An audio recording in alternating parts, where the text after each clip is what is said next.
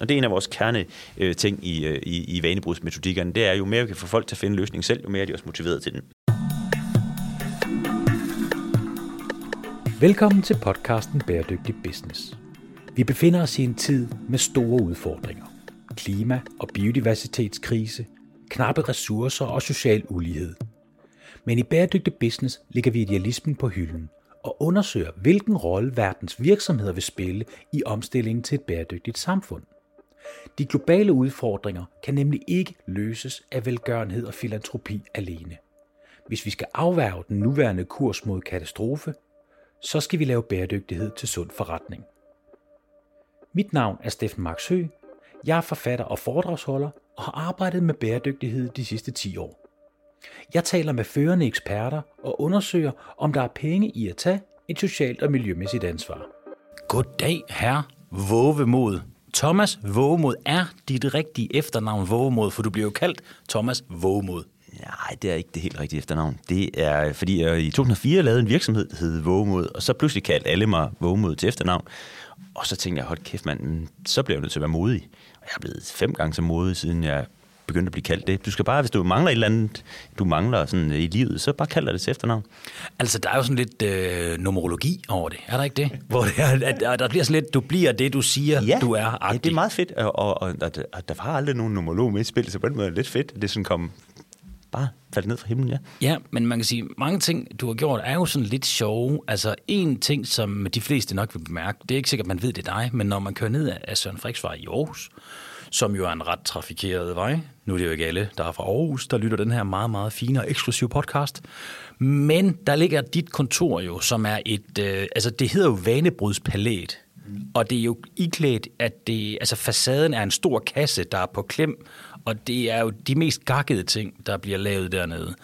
Og grunden til, at du er i studiet i dag her i Bæredygtig Business, er jo fordi, vi skal snakke netop om, hvordan man bryder vanen. Fordi hvis der er noget, den grønne omstilling kræver, så er det jo i al sin enkelhed, at vi begynder at gøre nogle ting anderledes, end vi har gjort det indtil nu. Ja. Men Thomas, kan du ikke lige med din egen ord sætte lidt øh, ord på, hvad det er, du har lavet igennem tiden, og hvordan du er endt med at blive øh, vanebrydsekspert, vil jeg tillade mig at kalde dig? Øh, jo, i mange år arbejdet ind med, med, med marketing og, og claimer og den slags. Jeg synes øh, sådan tit, at, at det var det sådan en lille smule overfladisk at, at skulle øh, tage folks halvdårlige produkter og fortælle dem på en lækkert måde. Så, så jeg på et tidspunkt besluttede mig for, at nu vil jeg godt være med til at ned i materien og putte noget godt indhold i ting. Øh, og det jeg hurtigt fandt ud af, det var, at øh, det var ret meget folks vaner, det hele handlede om. Det var, at øh, hvis vi alle sammen gjorde det samme igen i morgen, så, som vi gjorde i dag, så fik vi nogenlunde samme resultat. Men det var, hvis vi skulle løfte indholdet og resultatet, og i øvrigt også resultatet af overfladen af det, så, så skulle vi kigge på vores vaner. Øh, så, så siden 2004, der har jeg faktisk arbejdet med mange, mange tusind mennesker, øh, ud fra nogle metodikker, jeg har lavet om, hvordan lykkes man så med at lave uvaner til juhu-vaner, eller hvad du nu vil kalde det. Men det, det, er faktisk det er jo meget interessant, fordi at, at hvis der er noget, der er svært for os, så er det jo at ændre vores vaner. Altså, hvor mange penge, der ikke bliver brugt i øh, store virksomheder, og sandsynligvis også i mindre virksomheder, og i det offentlige regi på konsulenter, der kommer ind og viser, at man skal bryde sine vaner. Og det er jo det er en ret svær øh, disciplin. Af en eller anden mærkelig grund, så kan vi mennesker bare rigtig godt lide, at tingene kører lidt på den samme måde. Så ændrer vi nogle små ting, hister her, men, men der er jo noget omkring det der, der er noget tryghed i, at tingene de kører på den samme måde. Hvad er, sådan, hvad er dit take på det? Jamen, øh, det taget er at vide faktisk, at vi alle sammen er udstyret med sådan nogenlunde ensartede hjerner, sådan overordnet set. Og øh, den hjerne, den er ligesom bygget til at, at gentage fordi at øh, gentagelse det kræver ikke nær så meget energi som at finde på noget nyt. Så jo hurtigere den kan finde ind i samme rille og gentage noget, jo bedre. Og hvis det er du, godt, det du gentager, så er det jo bare fantastisk. Så øh, behøver du ikke bruge alle kræfter på at lave det om. Men der er jo en verden, der ændrer sig hele tiden. Og kommer der en corona væltende ned fra siden, så kan vi pludselig ikke gøre det, vi plejer. Eller så stiller øh, kunderne eller forbrugerne nogle nye krav til os. Så bliver vi nødt til at lave noget om os. Så hele tiden, så skal vi komme ud af den rille og finde på noget nyt. Det kræver lidt ekstra energi, og det er det, som mine metoder de kan, de kan hjælpe folk med.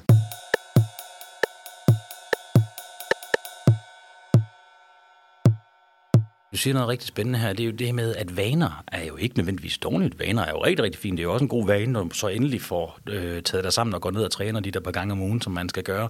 Så vi har en masse ting, vi gør på automatik, fordi det sparer energi, og det er godt for os. Men hvad så, når vi gerne vil bryde de her vaner? Hvordan, vil du, øh, hvordan griber man sådan noget andet, hvis man kommer til en øh, offentlig institution eksempelvis? Jeg ved, du har rigtig mange kunder i det offentlige. Hvordan går man så ind og kigger på det her med at lave om i vaner? Jamen altså, man kan sige, at øh, jeg har kortlagt, øh, hvor mange faldgrupper der i virkeligheden er i forhold til at bryde vanen, og jeg har fundet en 32 stykker, så der er jo rigeligt at gå i gang med. Det handler dybest set om at bevæge sig forbi de faldgrupper, for mange af os forsøger jo faktisk at, at bryde vanerne uden held. Og du kan jo bare tage et godt eksempel, det er ligesom nytårsaften, når du står der med glasset og skåler på, at nu vil du holde op med at spise fredagsslik, og så vil du holde op med at... Det må sige at være en klassiker. Ja, det er en klassiker. Og de fleste af os, der er den 3. januar, så har vi igen hånden ned i slikskålen. Så, men en af de klassiske bomber, der vi laver allerede der, det er at love os selv, at vi vil lave mange vanebrud. Og, og der er en af faldgrupperne simpelthen, at det, vi, vi kan simpelthen bedre lykkes med at lave én ting ad gangen. Det har vi bedre båndbredde til.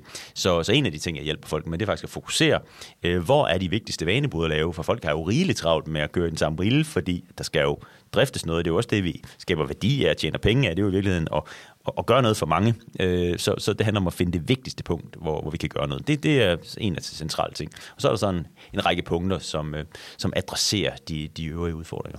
Det er meget spændende det der, for jeg kan godt tage mig selv i, nu hvis vi lige er på sådan den private sfære et øjeblik, så kan jeg godt tage mig selv i, at nogle gange, så har jeg ikke været god nok i forhold til min egen overbevisning, og så skal den virkelig have en over nakken, og så ender jeg med at lave nogle meget ambitiøse planer. Så er det både meditation, det er ingen alkohol i, jeg ved ikke hvor lang tid, meget mere grønt, ingen kød, slet ingen fredagslæg osv.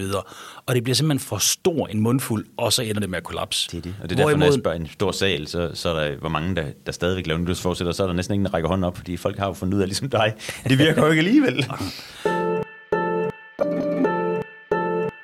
Men det er vel det, der er kunsten. Det er vel at finde de ting, som man virkelig mener, der er vigtige, og så få sat ind på dem. Og, og det kan vi to jo godt blive enige om her, hvis det nu drejer sig om, at man gerne vil tabe sig. Men hvad så, når det er en organisation? Hvordan går man ind og, altså, og finder det, det virkelig drejer sig om, og får hele organisationen med på det? Jamen altså, først og fremmest så har vi i mange år opereret ud fra en opvisning om, at alle vores vaner, de ligesom er øh, grupperet eller systematiseret ind i hovedet i nogle forskellige øh, systemer, kan man sige. Og øh, hvis vi lader folk prøve at kigge sådan lidt øh, systematisk i starten faktisk på, hvad det egentlig er, de går og laver, øh, så vil de faktisk opdage og bevidst gøre, hvad det egentlig er, de bruger deres tid på. Og i virkeligheden, så går vi og gentager ting i, i et loop hele tiden. Og øh, for eksempel lader vi en, øh, en gruppe afdelingschefer kigge på øh, nogle typiske opgaver, de har i hverdagen. Det kunne alt fra at holde leder møder til at øh, hvad hedder det, have sparring med hinanden, til at øh, hjælpe deres medarbejdere på bestemte måder og sådan noget så vil der være, typisk være nogle grundopgaver, men så beder vi dem typisk om øh, sådan helt simpelt at evaluere, hvad det egentlig er, de drømmer om, det skal kunne, og så hvad det egentlig kan i virkeligheden. Det er en skide sjov øvelse, de fleste af os finder desværre ud af, at der er disharmoni mellem det, vi drømmer om, det skal kunne, og det, de gør. Og så er der kun én ting at gøre, det er at ændre på handlingen, så den i højere grad lever op til det, vi drømmer om. Men det er rigtig spændende, når det er, at vi kigger på det der med, øh, med den type kunder, du har med at gøre, hvor det handler om, at man prøver at gå ind og kigge på, hvordan man kan kortlægge de her vaner og hvordan man så kan gå ind og ændre dem. Kan du prøve at sætte nogle ord på det her med at kortlægge vaner og ændre vaner i forhold til klima? Ja, fordi øh, de sidste halvandet år har vi beskæftiget os meget intenst med, øh, med de personlige vaner, vi har i forhold til klimaet, både når vi er derhjemme, i privaten, og når vi er inde på arbejdspladsen. Og øh, dybest set er det lidt den samme leg. Der er en øh, række vaner, vi har. Hvis du skulle tage den derhjemme for eksempel, så har, spiser du morgenmad og frokost og aftensmad, og du øh, går i bad, og du øh, bruger noget elektronik osv. Vi har faktisk kortlagt et par 20 sådan, øh, grundvaner. Øhm, og der er en... Kan du komme nogle eksempler på det? Nu sidder jeg og skulle blive nysgerrig. Jamen, det er de der forskellige øh, madformer, og de der, øh, hvad hedder det, øh, altså du kunne jo sondre mellem, øh, når, hvor tit jeg køber noget, øh, noget ny elektronik, hvor tit jeg køber nogle møbler, og hvor tit jeg køber noget tøj, og alle de der ting. Og det der er sjovt, den måde vi har gjort det på, hvorfor det er blevet meget interessant for, for kommunerne at arbejde med i forhold til borgerinddragelse, det er, at kommunerne jo grundlæggende set, ud fra nogle målsætninger, der er kommet fra, og, og fra oven af, er blevet, blevet bedt om at vurdere noget scope 1 og 2 og 3 og alle mulige fine ting, men det kan borgerne ikke forholde sig til. Så vi delte det op i borgernes daglige vaner, så vi simpelthen lavet en, en, øh, en ret avanceret regnemaskine, øh, som gør, at øh, man kan taste alle sine vaner ind inden for for eksempel, hvad er jeg spiser til aftensmad, sådan ret eksakt, og hvilke dage spiser vi øh, kylling, og hvilke dage spiser vi oksekød osv. Når du har tegnet den tegning, så kan du faktisk regne ret præcist ud, hvad det er, du udleder. Og det er et lille twist i forhold til den måde, vi normalt arbejder sådan mere psykologisk med vanerne på, fordi øh, der er faktisk noget inden for klimaet, som batter sindssygt meget at gøre, og noget, der batter meget let at gøre. Og i starten vidste vi ikke, hvad, hvad der var hvad, og vi har fået nogle kæmpe aha-oplevelser. Hold nu kæft, altså bare den der oplevelse af at taste din fredags øh, oksesteak derhjemme ind i, i sådan en regnemaskine, kan du bare se, den udleder 30 gange så meget, som hvis du taster en kyllingesteak ind, mm. og folk bare, får det bare sådan lige ud i hovedet, og det giver bare sådan lidt en, okay,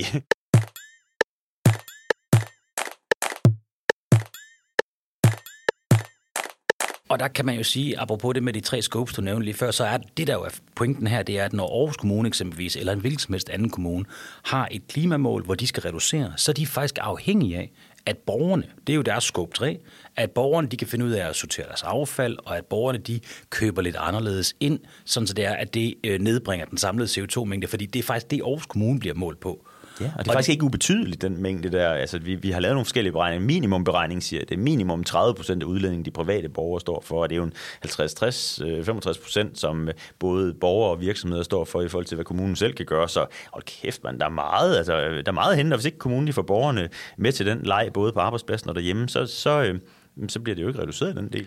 Nej, og det er jo faktisk det, der er rigtig interessant, fordi når man kigger på alt det her med at lave forandringer, så øh, det, det kan godt være rigtig svært uden virksomhed, eller i det offentlige for den skyld, i hvilken som helst organisation, når du skal til at have folk til at lave nogle forandringer, som de måske ikke synes er super relevant. Og det er jo også lidt sådan med mennesker, at vi kan jo bedst lide at lave forandringer, som vi føler, vi har været en del af at beslutte, og i øvrigt forandringer, som vi generelt synes er en god idé. Og der har man vel lidt en udfordring i og med, at de her store klimaforandringer, som vi står og kigger rigtig meget på, eller klimakatastrofen, øh, alle de her bæredygtighedsudfordringer, at de flytter sig så hurtigt imod os, at vi faktisk skal lave vores forandringer endnu hurtigere, end vi har lyst til. Det synes jeg er fuldstændig spot on, det der, fordi at det er nemlig det, at hvis vi sådan i den blide evolution går og gør os langsomt bedre, så skal vi da nok gå over tid for at hente noget, men altså hver borger eller privatperson skal jo hente sådan i gennemsnitlig 10-11.000 øh, kilo CO2 ud af de 12.000, ja. de udleder. Det er med mange, og vi er simpelthen nødt til at konstatere, når vi arbejder med det her, det er der ingen, der kan finde ud af. Øh, det er simpelthen at leve i askese, hvis det skal være på den måde. Det, det kan folk ikke finde ud af. Så, så det take, vi har taget, det er simpelthen at, at få folk til at starte. Starte et sted, men starte et sted, hvor det batter, så det ikke er 5 kilo, de finder, men de finder 1000 kilo, og så tænker de bare, yes, nu er vi i gang. Det er, og det er en rigtig god pointe, og det er jo lidt tilbage til det, du sagde før. Det, det drejer sig simpelthen om at blive bevidst omkring, hvor er det egentlig din reelle belastning, den ligger i dit liv, og så gå ind og arbejde med de ting. Hvad har I fundet frem til? Jamen, øh, vi har fundet frem til, at man bliver nødt til at, øh, at få først få folk til at, øh, at vælge sig ind på et område ud af de her 20-24 områder på, på privatområdet, og der er, har vi allerede fravalgt de øh, 16 områder for dem, fordi at øh, under testene, jeg synes bare, det var, det var et ret sjovt eksempel, at under testene, der havde vi en større bredde på, end hvad der virkelig battede øh, for prøvet af, og så sad der, vi har testet med 150 familier, så sad der en familie der og sagde, ej, streaming, det gad vi virkelig godt gøre noget ved, for man kunne mærke motivationen var, at alle ungerne sidder inde i hver deres værelse med på deres smartphones, og mor og far sidder også hver for sig, så det er ligesom, der er en motivation for at samle, samle alle sammen. Og de gik så ind og, beregnede deres, deres klima, deres CO2-belastning af det, øh, måske lidt i håbet om, at her var en god anledning til at sige til børnene, nu må I altså komme Nu er det slut med streaming. og så fandt de ud af, at de kunne spare 25 øh, kilo CO2, hvilket jo ikke er, er meget i forhold til at skulle hente til 11.000 kilo på den lange bane. Og så blev de lidt skuffet, øh, øh, ikke over os, men over sig selv, øh, over sådan, ej, I kunne virkelig ikke hente mere. Så det vi egentlig gjorde, det var, at vi sagde, fint, ud med alle dem, der ikke batter, fordi vi vil have, at den første, det er jo sådan lidt til, til førstegangs øh, øh, klimakæmperne, øh, altså dem, der sådan ikke rigtig er kommet ind i, i lejen for alvor endnu, så vi vil simpelthen have, at de skal kunne opleve, at noget, der batter. De emner, vi har tilbage nu, de batter for rigtig, rigtig mange. Og der går jeg ud fra, det er jo selvfølgelig flyrejserne. Det ja. er jo alt det oksekød, man spiser. Ja. Det er dit tøjindkøb. Det er vel den slags ting, det, der virkelig... Det er lige præcis øh, i den retning der. Og det vi så gør i starten, det er, at vi screener dem, det er jævnført det, vi snakkede om i starten, med at, øh, at folk skulle vælge sig ind, så screener vi dem på, på syv forskellige områder, for at finde ud af øh, med et par spørgsmål om et, de i virkeligheden gør noget, der batter der. For hvis ikke de, øh, hvis de i forvejen har en købt en elbil, eller de cykler på arbejde, så er der ikke noget at kigge ind. For der vi skal finde ud af, hvor er det ene område, vi skal starte ud af de syv der. Øh, og bagefter så skal vi spørge dem lidt til, om de har en motivation for det. Fordi hvis ikke de magter det på nogen som helst måde, så kommer det heller ikke til at ske. Eller vi har også lavet vanebud med en del folk, øh, der bor sådan øh, lidt ude i yderområderne. Og der er nogen, der siger, prøv at høre, vi, vi, vi, vi kan jo ikke tage en... Øh, jeg kan jo ikke tage en elcykel øh, 50 km ind på, på arbejde, og vi kan jo heller ikke tage en bus, for vi bor helt ude på et land, en land ejendom et eller andet sted. Så, så der skal ligesom vælges det rigtige område ud. Og når de har valgt det, så sender vi dem ind i vores regnemaskine, øh, og ind i regnemaskinen kan de så finde ud af, inden for det felt, de har valgt, hvad er det, vi gør nu, og hvad kunne vi gøre i stedet for. Det er meget interessant det her, hvor man kan sige, at, at der er jo også et læringsforløb forbundet med det her, for jeg, det lyder til, at når man har været igennem det her, så bliver man mere bevidst omkring, hvor er det helt konkret mit aftryk, det ligger hen. Giver I også anvisninger til, hvad man så kan gøre? Ja, altså, øh, jeg ynder at fortælle sådan lidt historien om, om øh, om, om Northside, der fjernede oksekødet øh, og alt kødet i øvrigt ja. øh, fra festivalen. Og det synes jeg jo på den ene side, som sådan, øh, nu også selv klimaforkæmper efter halvandet år, øh, at, at det er jo fedt, og på den anden side har jeg lidt, at det var det også et ramaskrig over for nogen, og det ramaskrig skyldes, at vi folk ikke vil styres i mål. Vi vil gerne enten selv opdage det, eller også vil vi gerne have nogle, øh, nogle milde hints øh, til det. Øh, så vi lader mest muligt folk selv finde enten det er på arbejdspladsen eller, eller derhjemme, finde ud af, hvad det egentlig er, der batter gør, så vi lader dem egentlig sidde et stykke tid ekstra ind i regnemaskinen, efter de har fundet ud af, hvad de udleder, for, for at lege lidt med, hvad sker der, hvis jeg i stedet for at køre fem dage om ugen i fossilbil på arbejde, hvad sker der, hvis jeg arbejder hjemme dag? Så øh, roterer det lige øh, den faktor, og så kan de se, hold da fast, der kunne jeg faktisk godt hente noget, det er alligevel vildt nok, at, at det også kan være en force.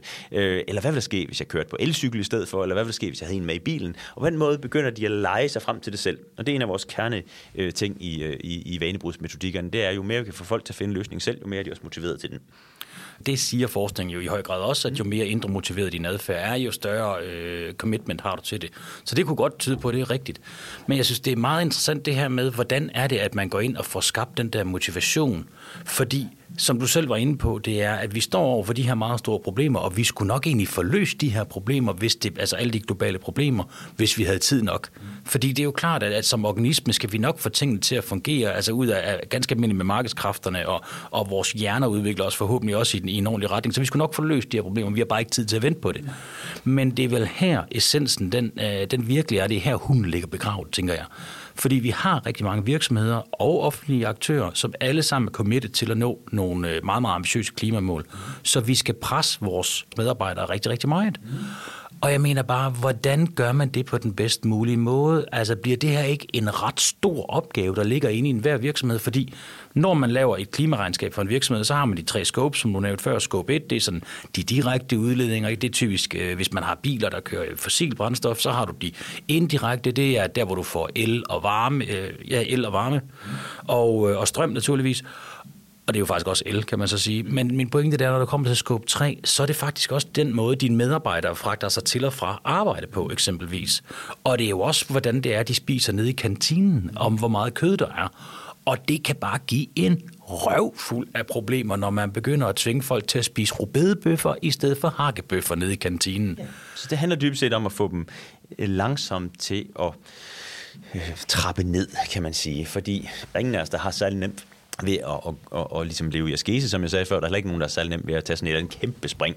Øh, vi har heller ikke båndbredde til det, så det handler dybest set om i vores metodik, at du skal opdage, hvor kan du gøre noget, fordi, og du skal finde ud af, at det rent faktisk batter. Øh, jeg var selv fuld af klimafordomme om, hvad der virkede og ikke virkede, da jeg startede på det her projekt. Jeg havde var holdt op med bustanjol og tænkt, så er min glorie bare pusset nu. Det med det stadion, det er helt vildt. Ja. Man har jo fundet ud af mellemtingen, at det der, skulle alligevel lidt mere til. der skulle mere til, især fordi at en af de faktorer, der gør, at vi udleder rigtig meget på det område, det er, om det er noget, vi gør rigtig tit. Så hvis vi kører til og fra arbejde, hvis mængde kilometer hver dag i en benzinbil, så tæller det. Det der stadion, så meget får vi alligevel ikke brugt. Øh, så på den måde handler det om for folk til, og når de vælger det her ting, wow, jeg kan alligevel gøre en forskel. Det er faktisk ikke inderne, der skal, der skal ordne det hele. Det er også en klassisk fordom, at det må være dem.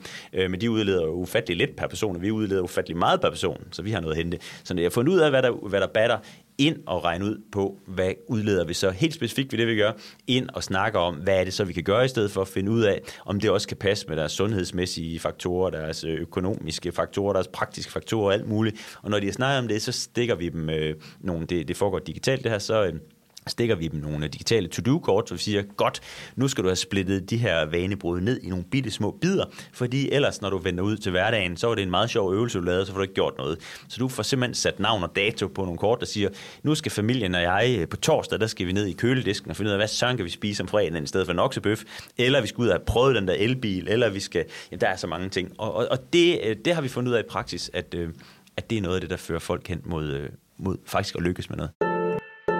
Men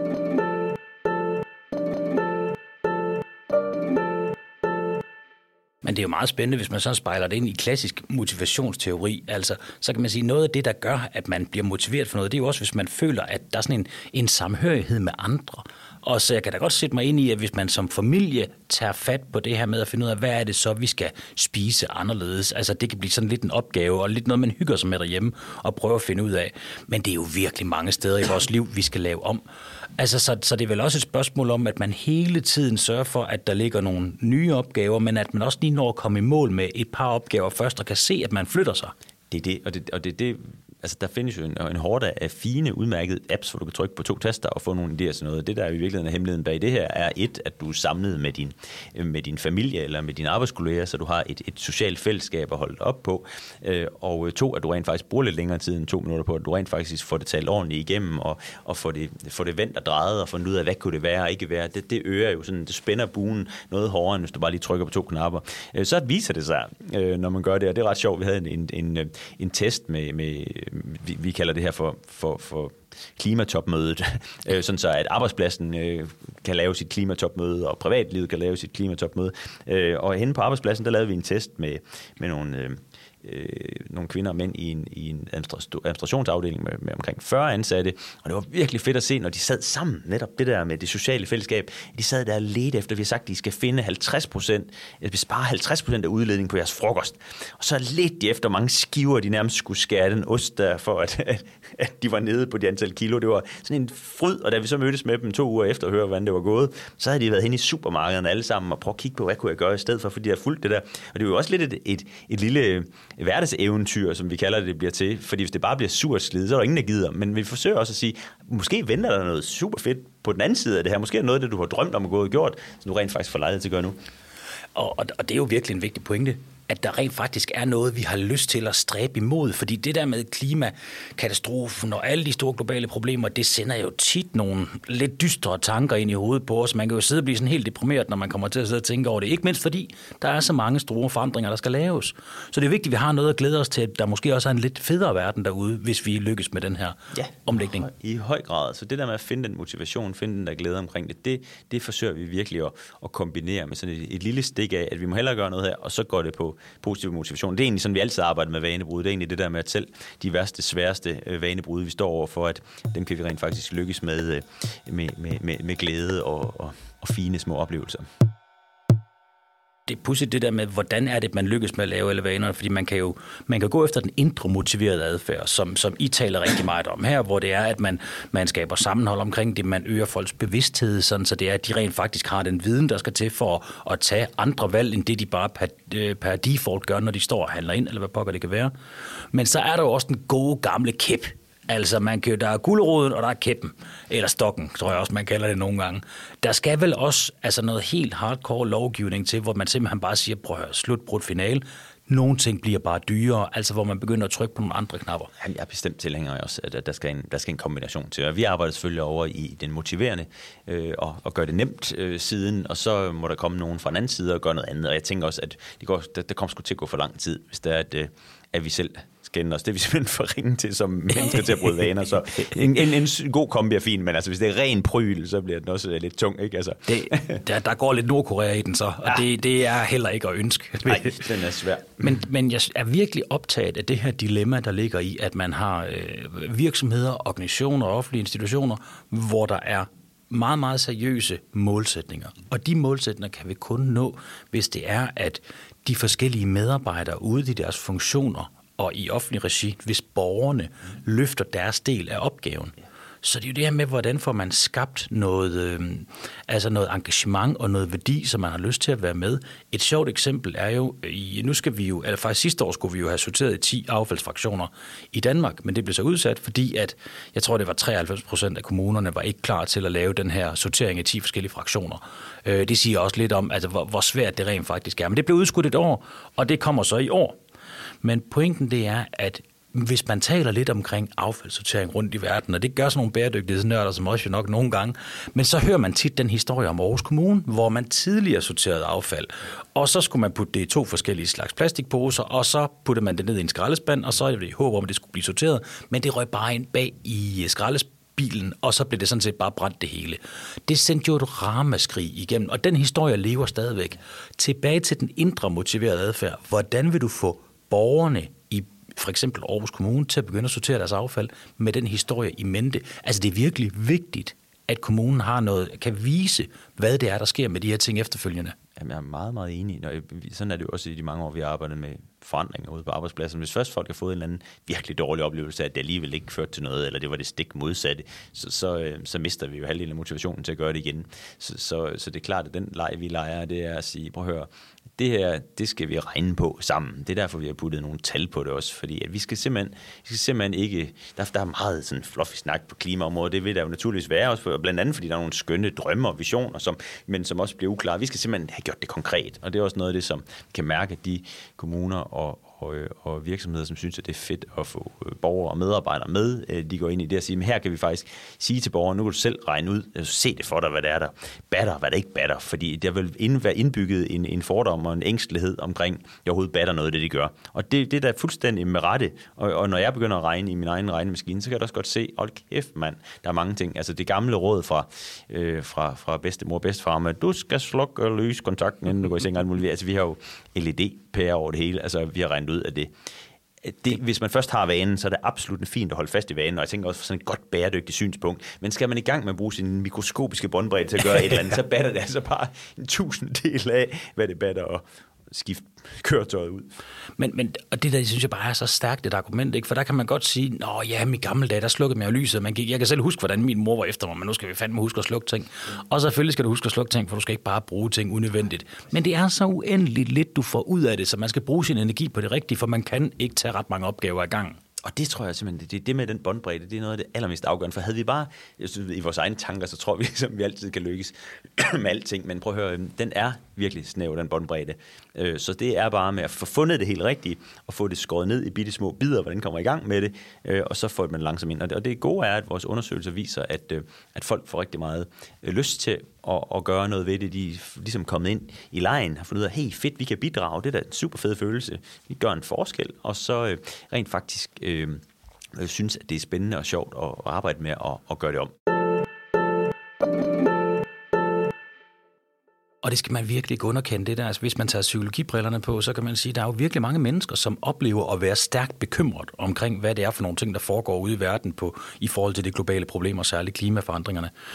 Og, øh, og derfor, hvis man har mulighed for rent faktisk at give dem en følelse af, at man kan gøre noget, så det er noget af det aller, aller stærkeste, du gør for at modvirke den meget, meget negative følelse, du oplever, eller den meget, meget belastende følelse, du oplever, når det er, at du er fanget i noget, der er for stort til, at du kan håndtere det. Så hvis folk føler, at de har nogle redskaber, og de reelt kan gøre noget, så kan du faktisk, altså det kan øge deres trivsel. Så det er jo virkelig vigtigt med det der positive øh, den positive tilgang til mennesket om, at de også kan gøre noget. Ja, det er lige præcis. Så det positive og det konkrete, det kan vi mærke, det er det, der, det der ræson i derude. Og, og nu en sjov øh, bihistorie, det er, at øh, i sidste mandag, der øh, var jeg en af hovedtalerne for 700 medarbejdere i Folkekirken, som nu også er gået i gang med bæredygtige omstillinger. Det er da bare super fedt. Og prøv at høre, de er jo ligesom kommunerne et talerør ud til alle øh, familier i hele landet. Jeg tænker, sikke en mulighed, som der er nogle store enheder, kæmpe store virksomheder, kommuner, folkekirken, andre dem, der kommer ud. Det er jo lejen om, at vi skal have alle med i den her, som også er lidt en, en kamp for, hvornår er det, jeg skal gå fra at gå og tænke, hmm, skal jeg have gjort et eller andet, til at komme i gang. Så det er noget med at få alle de her øh, alle de her til at gå og gøre det. Og, og når jeg tænker, når hele folkekirken pludselig gør det, så har vi en kæmpe, en kæmpe forsamling. Det er jo, de, de har jo overalt det 2.300 kirker i hele Danmark. Jeg tror faktisk, at, at vi skal, at det, det, det er ikke uvæsentligt øh, at, at, tage det, den faktor med, at vi, at vi skal se, at lige meget hvor vi kigger hen, så er der nogen, der er i gang med at gøre det. Og det er jeg meget enig i, og jeg synes, det er et fantastisk godt eksempel, for man kan sige, at Folkekirken er jo en meget, meget stor organisation, som du er så inde på, og der er jo også, altså de har rigtig meget land, og det land ligger i bund og grund bare, som ofte så ligger det sådan set bare brak, eller så har man, har man græs på det areal, hvor man måske kunne bruge det til noget vild natur. Der er jo også regler, som faktisk påvirker folkekirken negativt. Altså, folkekirken har jo en, en særregel, der gør, at hvis de kan se nogle vindmøller fra deres øh, kirke af, jamen, så må de faktisk nedlægge veto i forhold til, om den der vindmølle må komme op eller ej. Og det er jo en gammeldags lovgivning. Men pointen er egentlig bare, at hvis man så ikke gør den her organisation, altså Folkekirken, mere bevidst omkring vigtigheden af, af klimaforandringerne, så kunne man jo godt forestille sig, at de vil sidde i en situation på et tidspunkt, hvor de vil sige nej til nogle vindmøller, fordi de simpelthen manglede viden og tænkte, den er ikke pæn, og den skræmmer folk væk fra kirken.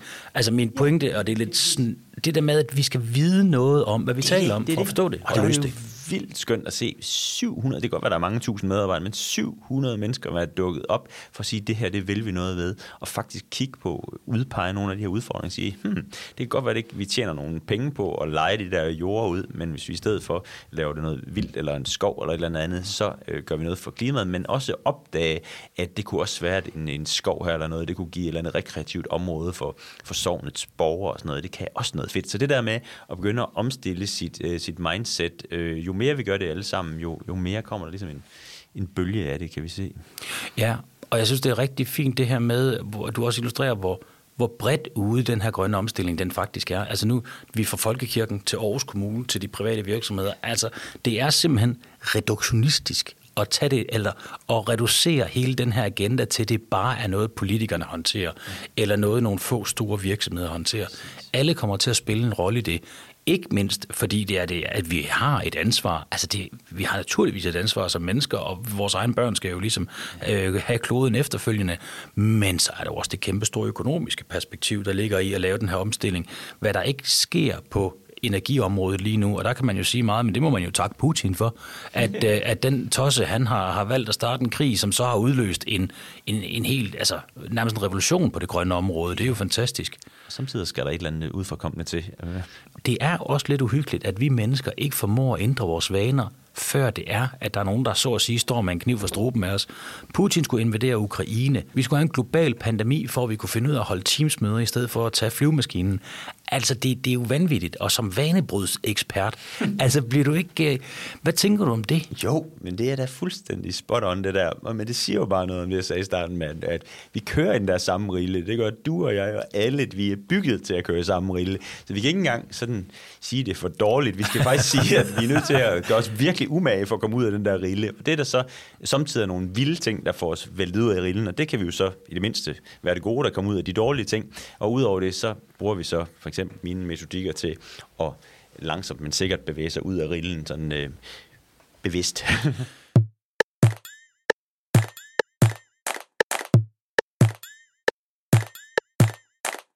Øhm, tror du ikke, at der er rigtig mange, og, og det er sådan lidt, hvad hedder sådan et øh, retorisk spørgsmål, tror jeg det hedder. Mm. Øh, men det her med, at der er virkelig mange ledere, der sidder derude, og lige pludselig opdager i gud, nu skal vi til, der kommer jo helt ny lovgivning fra EU i forhold til, hvordan man skal til at rapportere, hvis man er store virksomheder med over øh, 50.000, øh, eller 50.000 af de største virksomheder i Europa skal til at rapportere på en ny måde. Det drøber selvfølgelig ned til alle SMV'erne. Men jeg mener bare, at de her store virksomheder, der står derude, de sidder og tænker, hvad fanden skal vi gøre? Nu skal vi til at rapportere på biodiversitet, vi skal rapportere på klima. Altså, alle, når de så læser ind i det og siger, jamen ved du hvad, det her det har jo noget at gøre med, hvad der er for nogle ting, vi køber ind, hvordan vi designer vores produkter, hvor vi køber tingene ind, at det er rigtig, rigtig mange forandringer, der skal laves. Tror du, de er i stand til at lave alle de der forandringer?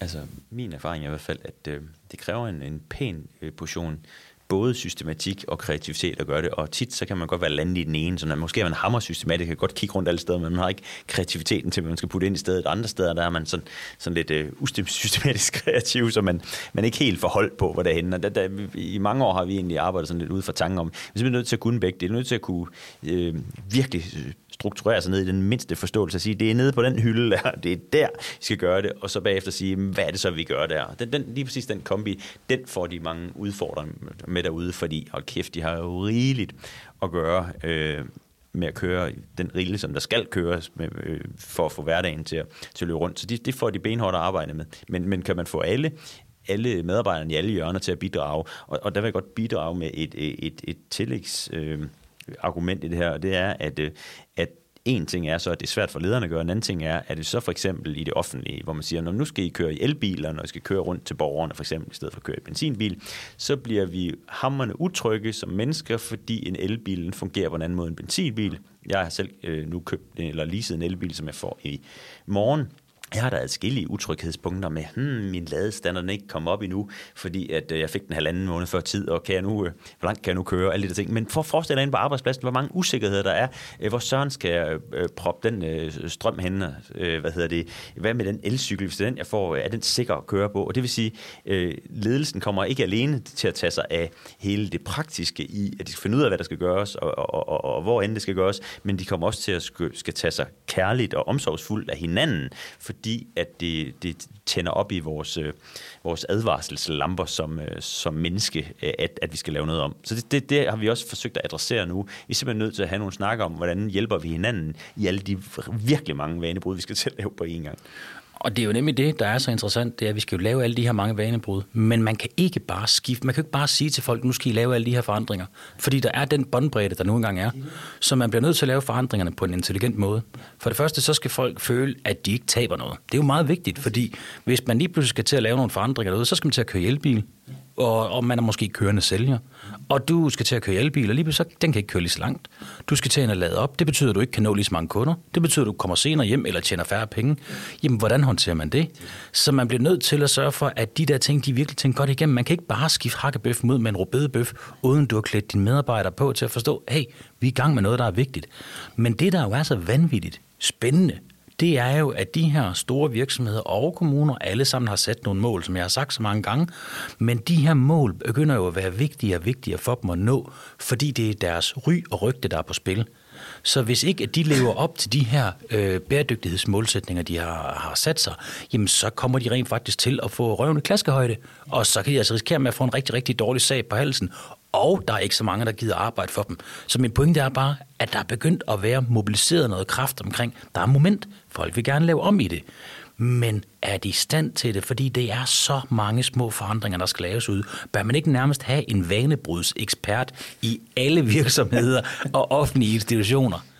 Jamen, altså, det er derfor, vi forsøger at lære folk også selv at blive vanebrydere derude, så de skal også rende i dyrt om hele tiden derude, så vi træner dem i at, at kunne gøre det. Men, men, øh, men jo, dybest set, så er, øh, burde det jo efter min overbevisning, og det, det kunne man nok også forvente at høre fra mig, men min overbevisning, at have, simpelthen have, have, have vanebrud på skoleskemaet. Altså fordi de siger, at vi lever i en verden, hvor der er så vanvittigt foranderlige på sindssygt mange områder, og især på det her område. Så, så vi, vi bliver simpelthen nødt til at kunne evne øh, hver især selv bedst muligt og, og gøre noget ved det. Og det kan, det kan ledelsen ikke gøre alene. Så, så derfor så handler meget af vores øh, virke simpelthen om at få at få den enkelte, altså når, når vi snakker arbejdspladsens klimatopmøde, at få den enkelte ikke alene til at forstå, at de kan gøre en forskel i deres konkrete udledning i, hvordan de kører på arbejde, øh, eller hvad de spiser til frokost, men lige så meget også at være en god, som vi kalder klimamarker, for sine øh, kolleger og for ledelsen, sådan så når der kommer noget, øh, som ledelsen har bestemt, så bliver vi nødt til at bakke op om det og hjælpe hinanden med, at, uanset at vi ikke kan undgå, at det medfører frustrationer, fordi sådan er det for mennesker, det er jo også bare følelser, men, men vi bliver nødt til at bakke op om det, og hvis der er, at øh, kollegaen begynder at gå og brokse over et eller andet, så bliver vi også nødt til at vise en, en omsorg, for det, det er et advarssignal, der viser, at den person er presset på sin bundbredde i forhold til det, det skal. Så vi kan ikke bare sige, kæft mand, øh, nu må du tage dig sammen. Så det, det handler simpelthen halvdelen af det om at, at vise hinanden den fornødne omsorg til, at det her, det skal vi nok lykkes med. Det synes jeg er en, en skarp bro, man kan bygge til ledelse generelt, mm. fordi en af de absolut vigtigste øh, ledelsesmæssige kompetencer, det er at, at evne at kunne lave innovation, altså drive innovation. Ja. Fordi innovation er jo ikke bare at opfinde et nyt produkt. Innovation er jo rigtig mange forskellige ting, men det er jo også at lave forandringer. Så det vi jo altid har kaldt forandringsledelse, er bare essentielt, fordi vi skal stadigvæk gøre rigtig mange ting på den samme måde, men der er bare også rigtig mange ting, der skal laves anderledes. Og det kræver, at du kan få trimmet din organisation til at forstå, at vi skal lave de her forandringer. Og der er det jo spændende, når man så kigger psykologien ind, fordi, eller tager de psykologiske briller på igen, fordi der er jo nogle mennesker, der har det bedre med at lave forandringer end andre. Og, øh, og derfor så skal man jo holde ret godt øje med, jamen altså, hvordan er det, at man laver de her forandringer? For nogle folk kan rigtig godt lide ting er meget i systemer, mm. og ikke bliver ændret for meget, og andre ja. folk er mere omstillingsparate, om man vil. Ja. Så der er jo også et individuelt hensyn, man skal lære at mestre. Mm, det er det. Så hvis du hele tiden bare tænker, at jeg er nødt til at kigge øh, på mine øh, kolleger og omgivelser, enten jeg er leder eller jeg er kollega til dem, og se, hov, jeg kan se, øh, at der er et eller andet øh, frustration der, eller usikkerhed omkring det, eller andre typer tegn på det, og så øh, simpelthen øh, siger, nå, men øh, her kan jeg måske øh, hjælpe. Øh, og øh, det, det har fået nogle af de virksomheder, vi har arbejdet med det allerede, det, det har fået dem til at sige, nå, men vi bliver simpelthen nødt til, når de her elbiler kommer, vi nødt til at give folk et, et mini, mini-mini-kursus i, hvordan de bruger dem, så de får den der grundlæggende tryghed, og så, så finder vi, altså det gode ved vores hjerner, det er også lige så meget, som det kan gå helt amok i, i brok og, og, og frustration og, og, og usikkerhed, lige så meget kan den blive tryg og tænke, fedt, nu ved jeg det. Så, så er det kommet ind i den samme rille eller ind i, i gentagelsen, og så kan vi godt. Når man tænker på, øh, på det her værktøj, jeg lavede, jeg synes lige til allersidst skal vi lige runde det her værktøj, fordi det er jo faktisk et værktøj, I selv har været med til at finansiere, og, øh, og i bund og grund så er det jo et værktøj, hvor det er, at man kan gå ind og finde ud af, jamen, hvor er det reelt en klimabelastning ligger. Men der er vel også noget interessant i sådan en virksomhedsoptik med, at man får jo noget data. Man får jo noget at vide. Man starter en rejse, man starter en samtale med sine medarbejdere, når man har det her, eksempelvis bruger det her værktøj som sådan en samtale starter. Ja. Kunne man ikke, gøre, jo, kunne man ikke betragte sådan? Absolut. Vi kan bestemt mærke lysten til, at, at det med, at vi rent faktisk kan sende folk ind efter et par måneder og beskrive, hvordan gik det så, så kan vi simpelthen regne ud, hvad, hvor mange øh, kilo CO2 udledte du før på det her felt, hvor meget øh, udledte du i, i, i din forestilling om, at det kunne gå, og hvor meget endte du så med at udlede. Og vi sætter jo nok altid barnen øh, lidt højere, når vi virkelig bliver motiveret, og så lykkes det måske ikke helt, men, men det lykkes stadigvæk alligevel. Og de tal er spændende, det vi galt. Nogen synes, at det kunne være fedt der, at dyste mellem afdelinger, og nogle andre synes bare, at det var fedt, at vi alle sammen kan bidrage med, hey, vores afdeling har gjort så meget. Så på den måde, selvom jeg egentlig har arbejdet med, med blødt med vanebrud i mange år, altså selvom det var de skarpe planer, så var det jo ikke altid, der var to streger under, hvad der virkede for dig selv at gå hjem og gøre. Så er det faktisk blevet ret meget to streger under her. Har du, har du reduceret noget? Eller har du ikke reduceret noget? Så, så det, det, det er sgu fedt.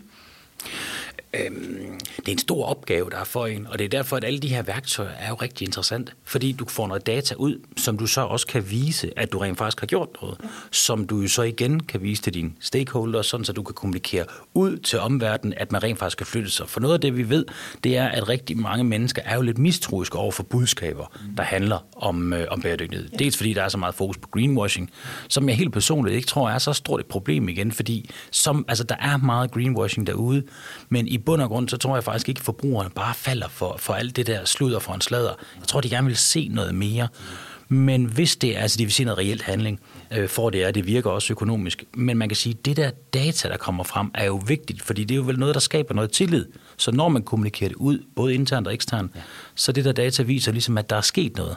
Ja, og derfor har det også været afgørende, at vi har haft Aarhus Universitet med til at kvalificere vores, der ligger over 300 forskellige CO2-udledningstal, som er samlet grupperinger. Vi har haft dem med til at kvalificere vores øh, kilder på dem, så vi følger nogle danske videnskabelige kilder, for ellers kunne vi hurtigt komme ud i den der med, når, øh, at der er ikke altid to streger under lige præcis det selv, ikke engang på de højeste dataniveauer i Danmark på det, men bare det, at vi ligesom har styr på de grunddata, det gør, at, at, at øh, når vi kommer ud til borgeren, så kan vi sige, prøv at høre, er du klar over, at det her, det er det, der batter, og det, øh, det kan vi bare mærke, at kæft, man, der er nogle fordomme, man tager livtag med. Så når vi står ude i, det bliver tit afholdt som sådan nogle øh, øh forsamlingshuse eller sal, arrangementer øh, med os, eller nogen, vi træner til det, øh, til at styre det, og, og når man står derude og, og, og, og møder en, en oplevelse hos, øh, hos en borger eller en medarbejder af, at der rent faktisk noget, der batter helt vildt, som de troede ikke battede, øh, så, så kan man mærke, så skal den lige ind og rotere ind i, i hovedet om det der, og så er det ligesom om, at man accepterer og anerkender, hvis, hvis, hvis dokumentationen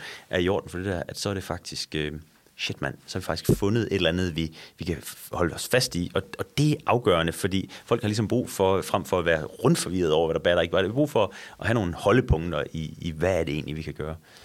Og man kan jo se rigtig tydeligt på de her forbrugerundersøgelser. Øh, Kommunikationsbyrået Advice laver hvert år en, en undersøgelse, der handler omkring øh, de, de grønne forbrugere. Eksempelvis i deres seneste undersøgelse. Man kan jo se, at der er så stor forvirring omkring, hvad er bæredygtighed?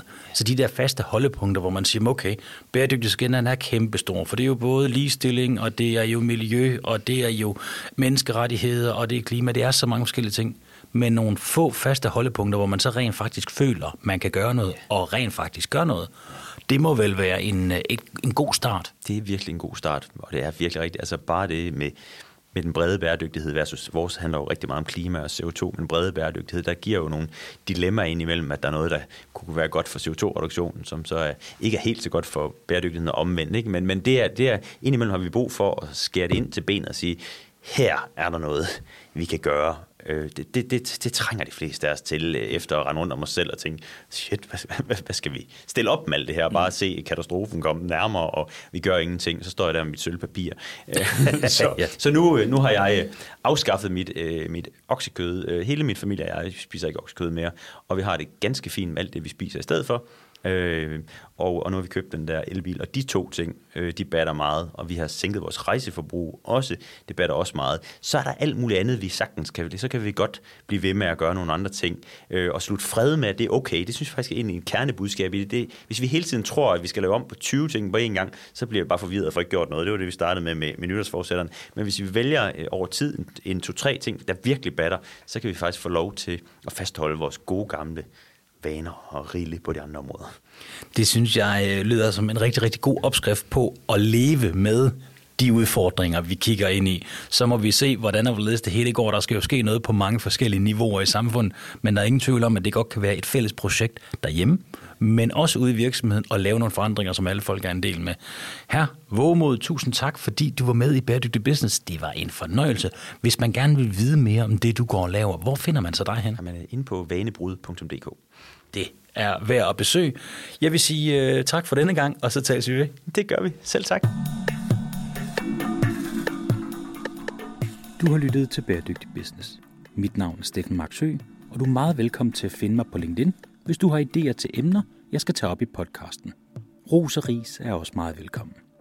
Husk i øvrigt at abonnere på podcasten i din podcast-app, så får du automatisk besked, når der er nye episoder. Og hvis du giver os en god anmeldelse, så hjælper du med at sprede budskabet om bæredygtig business. Tak fordi du lyttede med.